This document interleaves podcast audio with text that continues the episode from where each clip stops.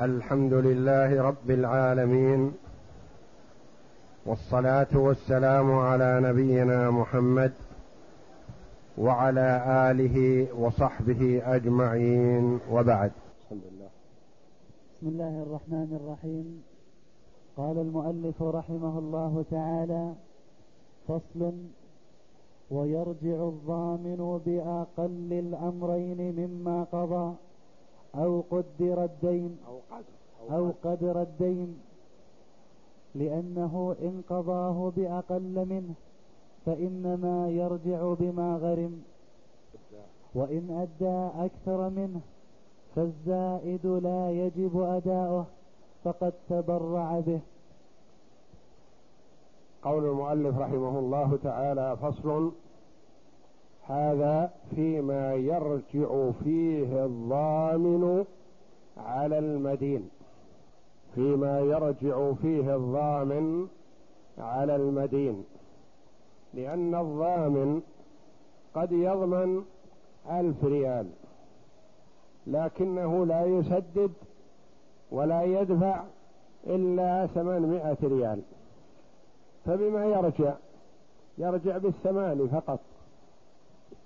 أو قد يضمن ألف ريال. ثم إنه من جوده وكرمه يعطي ألف ومائة ريال.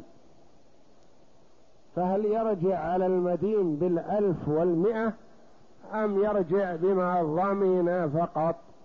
يرجع بما ضمن بل الذي هو قدر الدين. والزائد يعتبر متبرعا منه وهذا معنى قوله رحمه الله ويرجع الضامن بأقل الأمرين مما قضى أو قدر الدين.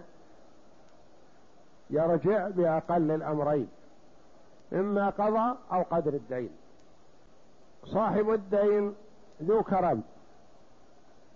والرجل الضامن ضمن ألف ريال. فقال صاحب الدين أعطني ثمانمائة ريال وأنا أسامحكم بمائتي ريال. فسامحهم بمائتي ريال. ولم يدفع الضامن إلا ألف إلا ثمانمائة ريال. فبما يرجع على المدين يرجع بالألف ويقول الرجل سامحني أنا بمائتي ريال أو يرجع بالثمانمائة ريال فقط التي دفع. يرجع بما دفع فقط. والمسامحة تكون للمدين لا للضامن لأنه ما قصد إعطاء الضامن وإنما قصد التنازل عن شيء من الدين. والدين في ذمة المدين والرجل ما دفع كامل الدين وإنما دفع بعضه فهو الذي يلزم المدين أن يدفعه لأنه إن قضاه بأقل منه فإنما يرجع بما غرم. قضى الألف بثمانمائة ريال. يصح أن يدفع ثمانمائة ريال ويأخذ من المدين ألف؟ لا. يأخذ ما غرم ما دفعه. وإن أدى أكثر منه كان الضامن كريم. والدائن له ألف ريال وعند القضاء أعطاه ألف ومائتي ريال. قل إنك صبرت علينا وتجملت معنا وإلى آخره. أنا ضامن ألف ريال خذ ألف ومائتي ريال. يرجع على المدين بألف ومائتي ريال؟ لا. يقال أنت تكرمت وتبرعت بالمئتين أنت تكون على حسابك. ولا ترجع على المدين إلا بقدر الدين الذي في ذمته. وما زاد عنه فهو تبرع منك. لا ترجع به على المدين. وإن دفع عن الدين عرضا رجع بأقل الأمرين من قيمته أو قدر الدين. وإن دفع عن الدين عرضا العرض يعني غير النقد. يعني أعطاه عن الدين ألف ريال أعطاه قماش أو أعطاه أواني أو أعطاه سجاد أو أعطاه مواد غذائية. وصاحب الدين قال أعطني مثلا كذا وكذا. أي نوع من هذه الأنواع؟ فأعطاه عن ألف ريال مثلا عشرة أكياس سكر. قال أعطني عشرة أكياس سكر ويكفيني عن الألف. أراد أن يرجع على المدين. يرجع بماذا؟ يقول رجع بأقل الأمرين من قيمته أو قدر الدين. رجع بأقل الأمرين. يقول مثلا أنا أعطيته عن ألف ريال عشرة اكياس سكر. أعطني أيها المدين ألف ريال. يقول لا يا أخي أنت أعطيته عشرة أكياس سكر وعشرة الأكياس السكر في حدود ستمائة ريال. الكيس بستين ريال معروف في السوق. وإنما الرجل تنازل والتنازل يكون لي لأني أنا المدين. والضامن يقول أعطني ألف ريال لأني كنت ضمنت عليك ألف ريال فأنا أطالبك بألف. يقول لا مانع لو سلمت الألف لا بأس لكنك ما سلمت الألف أعطيته عشرة أكياس سكر. وأهل السوق كلهم يعرفون قيمة السكر أنه في حدود ستمائة ريال. فأنا أعطيك ستمائة ريال قدر الذي غرمته رجع بأقل الأمرين. الصورة الثانية هو يطالبه بألف ريال. والضامن ضمن ألف ريال. لكن الضامن عنده سكر كثير. وطلب منه الدائن قال أوفني ولو سكر. وأنا أتصرف فيه. قال أعطيك مثلا عشرين كيس سكر. قال لا بأس قبلت أنا. عن ألف ريال أعطني عشرين كيس. فأعطاه عشرين كيس سكر عن الألف ريال. رجع يطالب المدين. يقول أنا سددت عنك أنت مطالب بألف ريال. وأنا أعطيت الرجل عشرين كيس سكر. ومن المعلوم أن كيس السكر بستين ريال والعشرة بستمائة والعشرين بألف ومائتين أعطني ألف, ألف ومائتي ريال.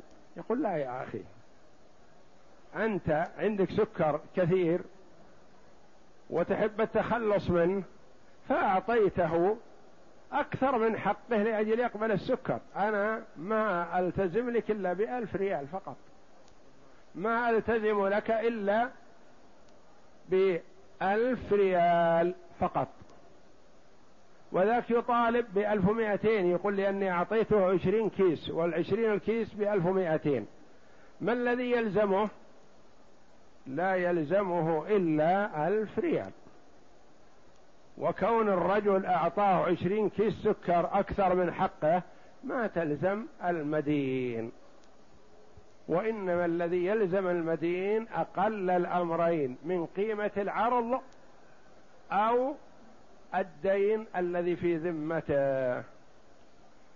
وإن دفع عن الدين عرضا رجع بأقل الأمرين من قيمته أو قدر الدين. قدر الدين بالنسبة للسكر الذي أعطاه عشرين كيس. يقول أنا ما أعطيك إلا قدر الدين الذي هو ألف ريال. ألف ومائتين لا تلزمني. وذاك الذي سدد كأن يكون الدائن محتاج إلى السكر وأخذ عشرة أكياس عن ألف ريال يقول أنا ما أعطيك إلا قيمة السكر الذي دفعت. أما النقص الذي نقص فهو نقص تنازل عنه لي. نعم. وإن قضى المؤجل قبل أجله لم يرجع قبل الأجل. لأنه تبرع بالتعجيل. وإن قضى المؤجل قبل أجله لم يرجع قبل الأجل لأنه تبرع بالتعجيل. مثلا الرجل مدين بألف ريال يحل في واحد رمضان. طلب صاحب الدين ضامن. فجاء رجل آخر وقال أنا أضمن الألف الذي على زيد. أضمنه. متى ما حل أنا أسدده. إذا لم يسدد. هذا الألف مؤجل إلى واحد رمضان. جاء صاحب الدين. وقال يا أخي أنا محتاج وعلي أقساط وكذا إلى آخره. آمل أن تعجل لي الألف ما تنتظر إلى واحد رمضان. أنا محتاج. فقال خذ هذا الألف. قال أنا ضامن أبى أسلمك إياه. الآن ولا في رمضان كل واحد. خذ الألف الآن. هل يملك يرجع على المدين بالألف الآن؟ لا. قال أنت تبرعت بالتعجيل. وهو لا يحل على المدين إلا في واحد رمضان. يقول يا أخي أنا سددت عنك الآن الألف أعطيته إياه مقدما. قبل أن يحل فأعطني إياه. يقول لا ما أعطيك حتى يحل الدين. فما يملك المطالبة به إلا إذا حل لأن الضامن هذا تبرع بالتعجيل تبرع بالزيادة تبرع بكذا ما يلزم المدين المضمون عنه. وإن قضى المؤجل قبل أجله لم يرجع قبل الأجل لأنه تبرع بالتعجيل. فلا يلزم المدين أن يسدد الدين قبل محله. نعم. وإن أحال به الغريم رجع بأقل الأمرين مما أحال به أو دينه. سواء قبض الغريم من المحال عليه أو لم يقبض لأن الحوالة كالتقبيض. وإن أحال به الغريم رجع بأقل الأمرين مما أحال به أو دينه. سواء قبض الغريم من المحال عليه أو لم يقبض. أحال به الغريم. الغريم الدائن الذي له الحق. الرجل غارم وضامن لرجل بألف ريال. فرأى صاحب الدين أن مطالبة الضامن أولى من مطالبة المدين لأن المدين مفلس. فوقف على باب الضامن وقال أعطني الألف. هل الآن؟ قال صحيح هل. لكن أنا ما معي شيء الآن.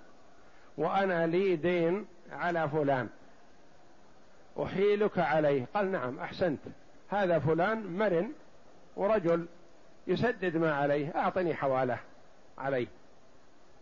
فأعطاه حوالة بقدر الدين. أو أعطاه حوالة بأقل من الدين. أو أعطاه حوالة بأكثر من الدين. الرجل أخذ الحوالة وذهب ليستلم من الرجل الآخر. قال له المحال عليه أمهلني. كم يا أخي أمهلك؟ قال أمهلني شهر. خلاص الحوالة توجهت على هذا الرجل. الضامن يرجع على المدين الآن أو ينتظر حتى يستلم المحاز يستلم الحوالة بعد شهر. يرجع الآن لأن الحوالة بمنزلة القبض وانتقل الدين من ذمة المدين وذمة الضامن إلى ذمة المحال عليه. وبرئت ذمة المدين وبرئت ذمة الضامن فللضامن أن يرجع إلى المدين ليقبض حقه.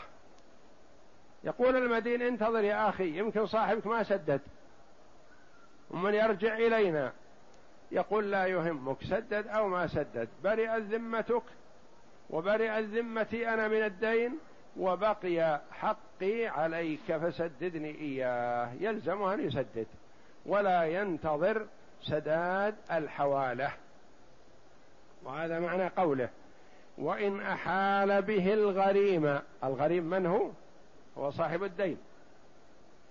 رجع بأقل الأمرين مما أحال به أو دينه. يرجع بالأقل. الدين ألف ريال وهو أحال بثمانمائة ريال.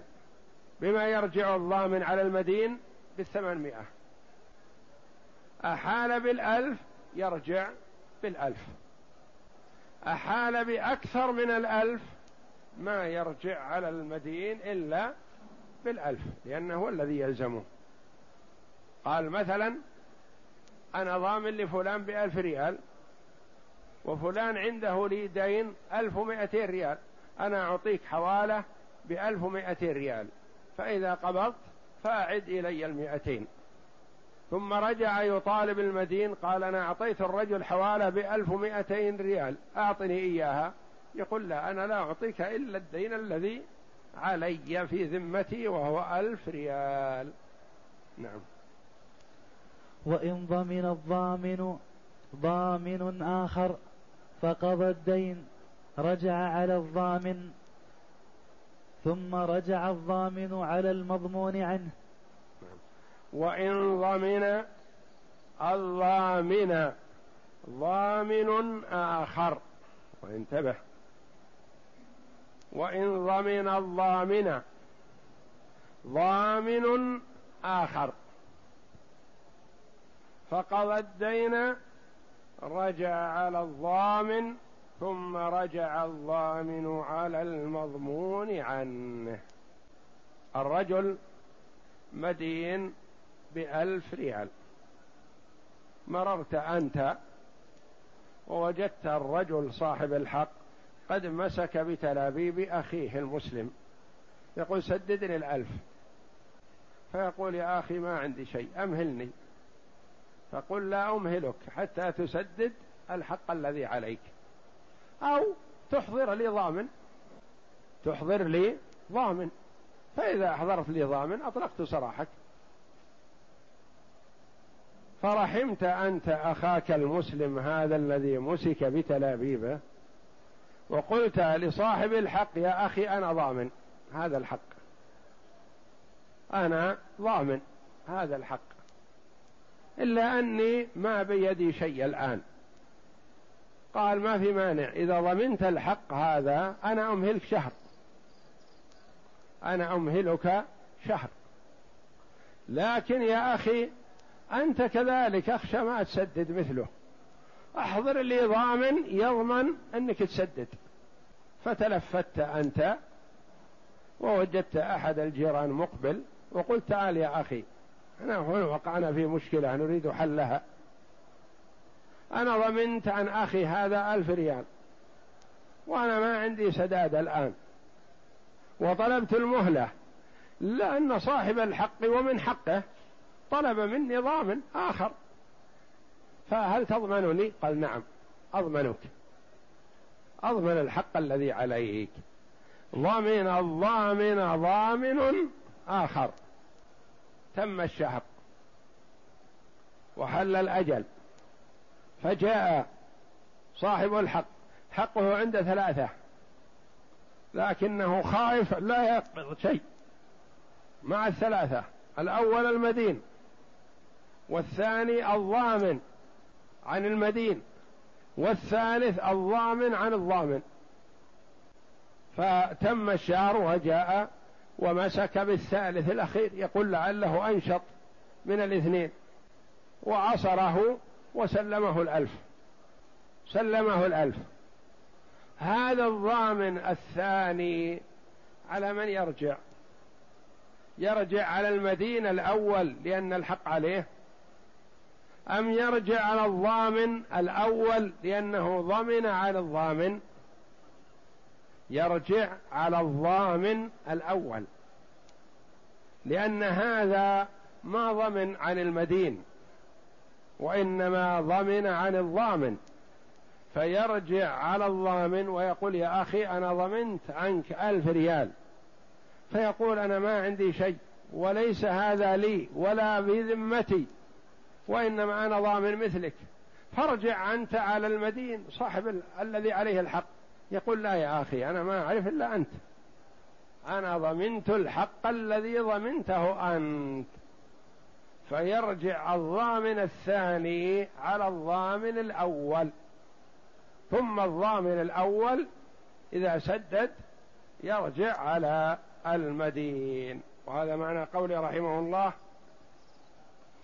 وإن ضمن الضامن ضامن آخر فقضى الدين. رجع الضامن رجع على الضامن ثم رجع الضامن على المضمون عنه. يعني الضامن الثاني يرجع على الضامن الأول والضامن الأول يرجع على المضمون عنه الذي هو المدين. نعم. وإن قضاه الضامن رجع على الأصيل وحده. وإن قضاه الضامن رجع على الأصيل وحده. في صورتنا هذا مدين وضامن أول وضامن على الضامن. صاحب الألف فكر من يتمسك به؟ فرأى أن الضامن الأول أنشط الثلاثة وأقدر الثلاثة فذهب ومسك بتلابيبه وقال أنت ضامن لهذا الرجل فأعطني الألف رأى أنه لا محيص من التسليم فسلم الألف الذي سلم الألف الضامن الأول وهو الوسط بين اثنين واحد مدين هو الضامن عنه. واحد آخر ضمن عن الضامن الأول. يرجع على من؟ عقلا يرجع على المدين. لأن الضامن ضمن عن هذا الذي سدد وقد برئت ذمته. برئت ذمة الضامن الثاني بتسديد الضامن الأول الحق. يرجع على المدين فقط. ولا يرجع على من ضمنه لأن الضامن الأول ما يرجع على الضامن الثاني لأنه ما يلزمه شيء وإنما يرجع على المدين الذي في ذمته الحق. وهذا معنى قوله رحمه الله وإن قضاه الضامن رجع على الأصيل وحده. يعني رجع على الأصيل الذي هو المدين المضمون عنه. نعم. فإن كان الأول ضمن بلا إذن والثاني ضمن بإذن رجع الثاني على الأول ولم يرجع الأول على أحد في أحد الروايتين في إحدى الروايتين. فإن كان الأول ضمن بلا إذن والثاني ضمن بإذن. رجع الثاني على الأول ولم يرجع الأول على أحد في إحدى الروايتين. هذه تقدمت صورة جزء منها في الدرس السابق. مثال ذلك أنت وقفت على صاحب الدكان تريد أن تشتري حاجة؟ فقال لك صاحب الدكان أنا أريد الآن أذهب إلى الشرطة أو إلى المحكمة. لما؟ لأشتكي فلان لأن عنده لي ألف ريال. وما سددني. فقلت له يا أخي فلان صاحب مروءة ورجل صالح ولكن يمكن ما بيده شيء. أمهله فقال لك أمهلته حتى طال الإمهال. فأنا أريد أشتكيه فقلت أنت لا يا أخي أنا أضمن الحق الذي عليه أمهلني أسبوع أنا أمهلني أسبوع. أنت ضمنت بإذن ولا بدون إذن؟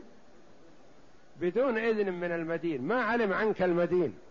هذا الفعل الذي فعلته حسن وتؤجر عليه لكن المدين ما فوضك ولا أذن لك في الضمان.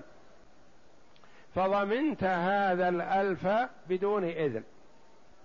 تم الأسبوع. جاءك الرجل وقال سدد. أنت ضمنت وأنا الآن أذهب أشتكيك لأنك أنت ضمنت المبلغ وما سددت.